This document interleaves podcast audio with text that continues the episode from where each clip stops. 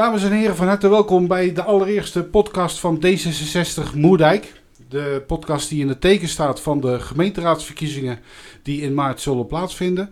Ik heb daarvoor uitgenodigd uh, Geert Wiers, fractievoorzitter van D66 in Moerdijk. Uh, welke data is het precies, Geert? De verkiezingen die zijn formeel op 16 maart, Ton. Uh, maar mensen mogen op 14 en 15 maart ook al stemmen. Daar zal in beperkte mate gelegenheid voor gegeven worden. Ja, maar de daadwerkelijke dag is, is de woensdag de 16e. Woensdag de 16e. Precies. Uh, daar gaan we nu als uh, D66 Moerdijk, als fractie, daar hard aan werken om onze standpunten, uh, de mensen, de inwoners daarvan deelgenoot te laten maken. Onze standpunten met de inwoners te delen. Daarvoor hebben we een vijfdelige podcast op orde gezet. We hebben vier pilaren van uh, ons partijprogramma voor de ja. gemeente Moerdijk. Kun jij ze alle vier uh, noemen, Geert? uh, ja, en, en, maar ik ben bang dat heel veel mensen zullen zeggen: ja, dat zeggen ze allemaal. in principe is dat wonen hier in de gemeente. Dus wat willen we daarbij regelen? Ja. Um, dat is onderwijs. Uh, D66 is altijd al de partij van het onderwijs geweest. Zijn we landelijk tenslotte ook? Ja. Dus ik, we spreken in de wijvorm, want wij zijn beide natuurlijk lid van de fractie van ja. D66. staan beide op de stemlijst. Alle andere leden uh, op de stemlijst op verkiesbare plaatsen komen in latere podcasts overigens ook voorbij. Maar ik onderbreek jou, sorry, je hebt dit pas twee van de vier gehad. Geen, geen punt. Uh, dan hebben we op een gegeven moment uh, de energietransitie. Dus hoe gaan wij, om het even kort te zeggen, van het gas af? Um, en als laatste, en dat, dat is nou eenmaal een thema wat mij heel erg aan het hart gaat, is uh, participatie. Dus hoe betrekken we onze inwoners bij de, uh, de, het aansturen van onze gemeente? Ja, en wij zijn natuurlijk als D66 zijn we natuurlijk een landelijke partij. Althans, wij zijn natuurlijk de lokale uh, afsplitsing, zal ik niet zeggen, maar de lokale tak van D66 landelijk.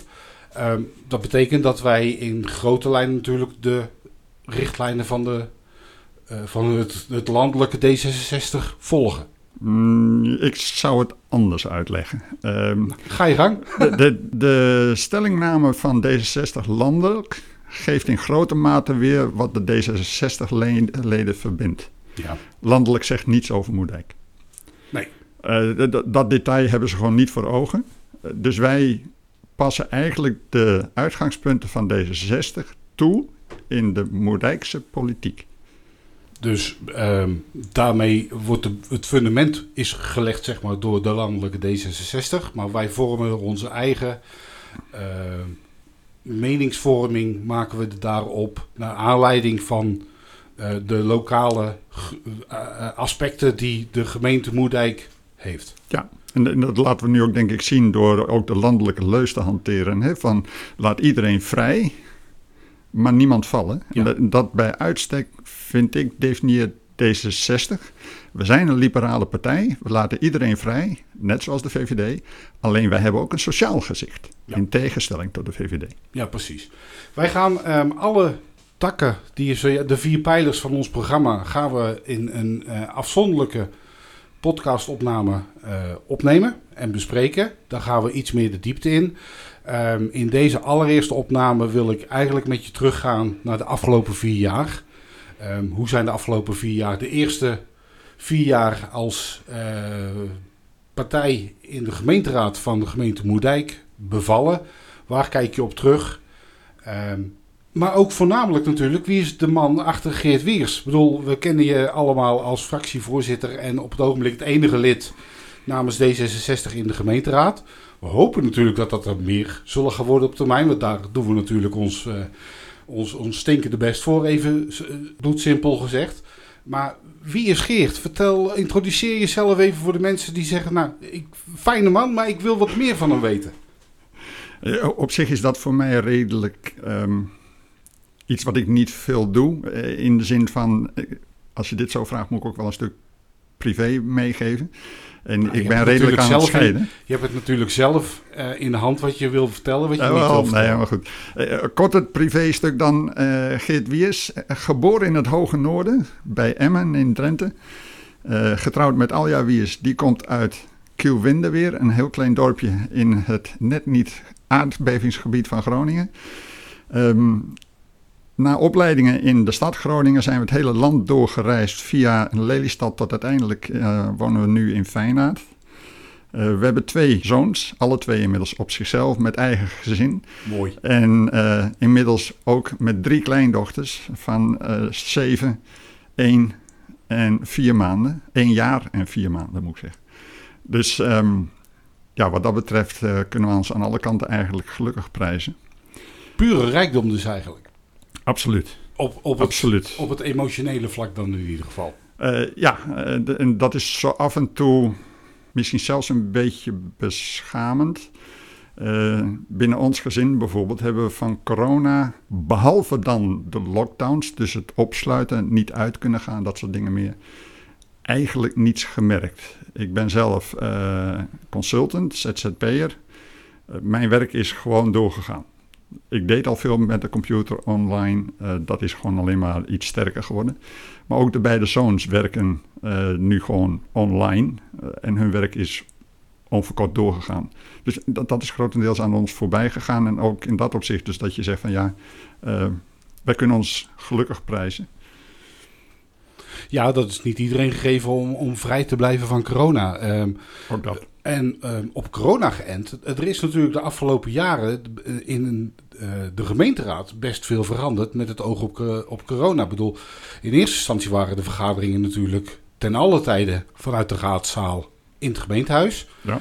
Maar er is wat veranderd natuurlijk door de komst van corona en de opkomst van Teams en Zoom. Ja. Hoe heb je dat ervaren? Ja, zoals ik ze net al aangaf, ik was al veel gewend hè, met Teams. Dus voor mij was het niet nieuw. Ook het vergaderen in Teams um, was ik in enige mate gewend. Dat heeft nog wel een stukje ontwikkeling moeten doorgaan. Uh, maar ook Teams is ontwikkeld, is beter geworden. Als je nu de huidige situatie bekijkt, uh, raadsvergaderingen en commissievergaderingen hebben we nu toch wel besloten, doen we in persoon. Omdat je elkaar moet zien, moet kunnen voelen. Ja, je hebt, meer, je hebt behalve uh, gesproken communicatie, heb je ook non-verbale communicatie natuurlijk. Ja. Uh, en dat kun je wel een stukje online doen, waar ik echt een broertje aan dood heb. Sommige van de mensen waarmee ik samenwerk, die hebben de neiging om de video altijd uit te laten. Ik, ik hou ervan om de video aan te hebben, want dan heb je ook zelfs via de computer nog wel contact. Ja. Um, maar goed, dat gaan we zeker in de raad niet doen. Wat we wel inmiddels ook als raad breed geconcludeerd hebben, is dat de informatieavonden die voor corona uh, hele avonden opslokken. Want dan moet je ook nog eens een keer heen reizen en weer terug. En dan zat je in een zaaltje. Zaaltje, Moerdijkzaal. uh, kreeg, kreeg een voordracht. Uh, dan werden er één of twee vragen gesteld. En dan gingen we naar huis.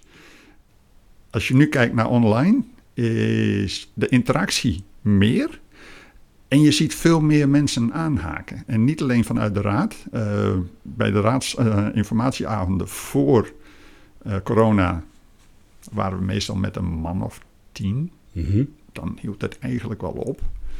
Uh, nu met Teams zie je toch dat twee derde tot soms de hele raad aanhaakt. Dus de drempel om er fysiek te zijn is dus eigenlijk weggenomen, waardoor dus meer mensen aansluiten aan de informatieavonden. Ja, ja. en je hebt de mogelijkheid, uh, wat voorheen gewoon niet gebeurde. Uh, raadsinformatieavonden en uh, raadsavonden zijn openbaar. Dus je kunt ook als inwoner gewoon inloggen. Ja. en in ieder geval de informatie meekrijgen die wij als raadsleden ook krijgen.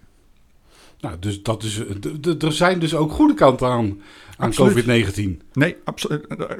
Dat vind ik wat moeilijk, omdat...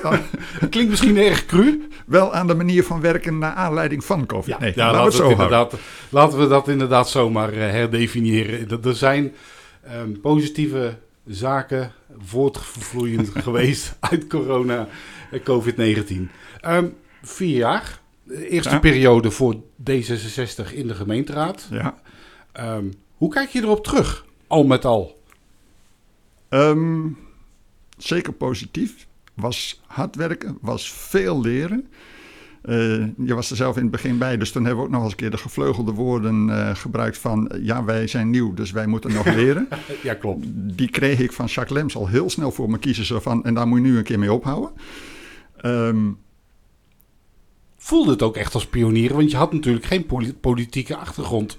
voordat je daadwerkelijk de gemeenteraad van eh gemeente Moerdijk ingestemd werd. Mm, Beperkt. Eh, in de zin van mijn consultancywerk eh, op veel onderdelen lijkt op wat je in de raad ook moet doen. Ja. Ik moet heel veel documenten in korte tijd verwerken en de essenties eruit halen en de rest vergeten, want ik kan het niet allemaal. Nou, ik, ik weet zelfs dat we daar een cursus als fractie voor gevolgd hebben. Ja. Eh, ik heb ooit een, een gemeentesecretaris in een, eh, een trainingsdag horen zeggen zo van... joh, je krijgt een hele berg aan papier. Je pakt dat papier, 80% pak je op en gooi je in de vuilnisbak... en de andere ga je lezen. Ehm, ik denk dat dat redelijk klopt. Domweg ook omdat als je nu gewoon simpele raadsvoorstellen ziet... en daar zitten gewoon eh, toelichtingspapieren van 150 pagina's bij. Ja, hallo. Ja, ik denk dat er heel weinig mensen zijn binnen de gemeenteraad en binnen alle, commissie, alle commissieleden, alle burgerraadsleden die we hebben binnen de gemeente. Dat er weinig mensen zijn die die echt van, H, van A tot Z helemaal uitlezen. Nee, nee, dat gaat niet. Dus Nee. de essentie is dat je de, de speerpunten eruit pikt. Eh, en wat ik ook al degelijk gedaan heb, eh, ik heb mijn speerpunten zelf gekozen. En bijvoorbeeld als het over de financiële verordeningen gaat, nou Bert Schreuder, de bankier die eh, de ChristenUnie leidt, ja, als die ergens het voortouw inneemt, ga ik daar niet mee concurreren, dan mag die voor mij. Ja, omdat je weet dat daar zo dusdanig veel kennis zit, Ja. dat je daar eigenlijk feilloos aan kan aansluiten. Maar dan kun je elkaar ook aanvullen. Hè? Ja. Bert, Bert zit in, we zitten alle twee in de rekeningcommissie. Bert is voorzitter. Ehm Bert is heel erg op de getallen. eh, en dat de balansen kloppen en al dat soort dingen meer. Zijn vakgebied. Maar de rekeningcommissie houdt zich ook bezig met de organisatie op het gemeentehuis. En of dus de verantwoording in de begroting goed eh, weerspiegelt wat in het gemeentehuis gebeurt. Ja. Ehm, voorbeeld is bijvoorbeeld de begraafplaats hier in eh Zevenbergen, waar we natuurlijk de nodige problemen gehad hebben. Ja. En de oorzaak daarvan was in feite dat een werkproces in het gemeentehuis niet goed ingericht was. Nou, dat werkproces, dat is mijn terrein. Ja, dus daar, is, de- daar zit jouw expertise, zoals je zelf al aangeeft. Ja. Dat- daar kan je dan dieper induiken en zo vul je elkaar dan verder aan. Ja. Als je terugkijkt op die afgelopen vier jaar, ehm, durf je dan hoogtepunten namens D66 eh, te benoemen waarvan je zegt van, ja, daar hebben we onze partijpunten, onze standpunten, ons, on- ons, ons denk, eh, onze manier van denken als D66 redelijk in eh, uit kunnen dragen. Ehm, twee algemene items en één specifieke. Eh, de specifieke, eh, het behandelen van het eh, voorstel voor de cruise terminal in Willemstad. Ehm, ik vond het een niet goed uitgewerkt voorstel, omdat je voorzag dat er een jaar na uitvoering eh, problemen op tafel kwamen waar ik niet aan wou. Dus we Ja, hebben ons daar sterk tegen verzet. Het was dus eigenlijk min of meer een, eh, een, een, een plan om een cruise terminal aan te gaan leggen. Waardoor mensen in, in Willemstad eh, grote cruises konden aanmeren. Een, dag, een bepaalde tijd konden genieten van het mooie Ja. Willemstad. Want dat is natuurlijk een van de mooie, mooiere kernen binnen eh, onze gemeente. Wat natuurlijk heel gevaarlijk is om alle Ja, andere kernen maar daar als- niet als in te het- benoemen. Ja, als je het gaat benoemen, dan moet je denk ik nauwkeurig zijn. A, op dit moment kunnen we cruiseschepen aanleggen. De bedoeling was om een eh, soort steiger aan te leggen waar tot drie van die schepen tegelijkertijd aan konden leggen. Dus het was Eh, eigenlijk een uitbreiding. Het, het was een forse uitbreiding. Eh, dat aantal mensen gaat niet meer in Willemstad blijven. Dan zou Willemstad als een soort hub gaan functioneren voor bussen naar Sabina, naar Bergen op Zoom, naar Bereda. Daar heeft Moerdijk dus niets aan. Nee. Ehm, wat voor ons zwaarder telde, die steiger die zou tegen het Natura 2000 terrein aan de dijk naar eh, Noordschans komen te liggen. Ja. Dat zou een aanslag zijn op het natuurgebied. Aanslag op het natuurgebied. Eh, De mensen die van die cruise terminal gebruik zouden maken, dat zijn mensen, eh, nou ik ben richting mijn pensioen, maar zover ben ik nog niet.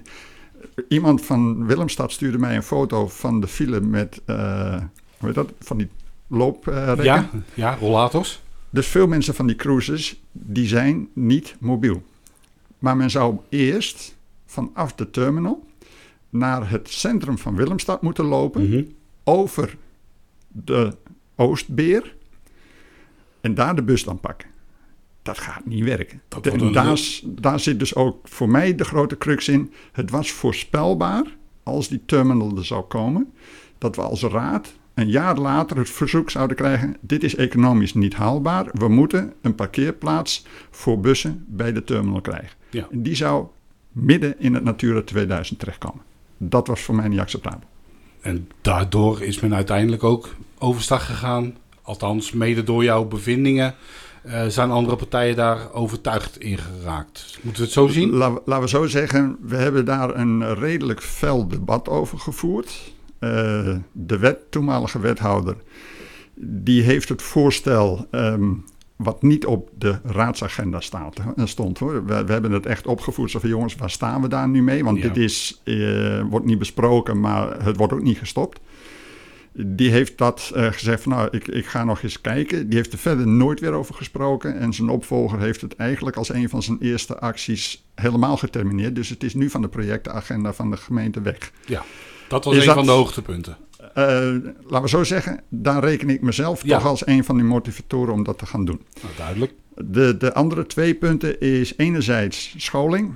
Eh, zoals gezegd, toch een D66-punt. Ehm, En dan doel je op laaggeletterdheid of Ja. scholing in het algemeen? En nou, ik heb dat dus inderdaad in het laaggeletterdheid opgepakt. Eh, binnen Moerdijk heb je met scholing minder van doen als in menig andere gemeenten. We hebben alleen het eh, Markland Ja. als middelbare school In Zevenbergen wel te verstaan. in Zevenbergen. Eh, en we hebben de lagere scholen. Ehm, en die scholen, dat zijn zelfstandige stichtingen. Daar kun je als gemeente niet heel veel mee. Eh, we moeten wel de voorzieningen in stand houden. Ja. En wat veel mensen niet zullen beseffen is, als wij zeggen, want die discussie loopt nu hè, eh, in Heiningen en in, in eh, Langeweg en in Moerdijk, dreigen de lagere scholen te verdwijnen. Ja. Eh, dan kun je zeggen van nou, de gemeente die is zeker niet arm. Eh, wij gaan die scholen onderhouden. Of nee, niet de school onderhouden, dat moesten we al, moeten we al. Maar we gaan geld geven om de school open te houden. Excuses. Nou, dan let erop, elke euro die we aan bijvoorbeeld Heiningen geven, moeten alle andere scholen per leerling ook hebben. Ja, want je mag niet zomaar... Nee, dat is wettelijk vastgelegd. Eh, Dus dat betekent dat het is niet simpel even een probleem oplossen, tackelen. Nee, eh, het gaat dan veel breder.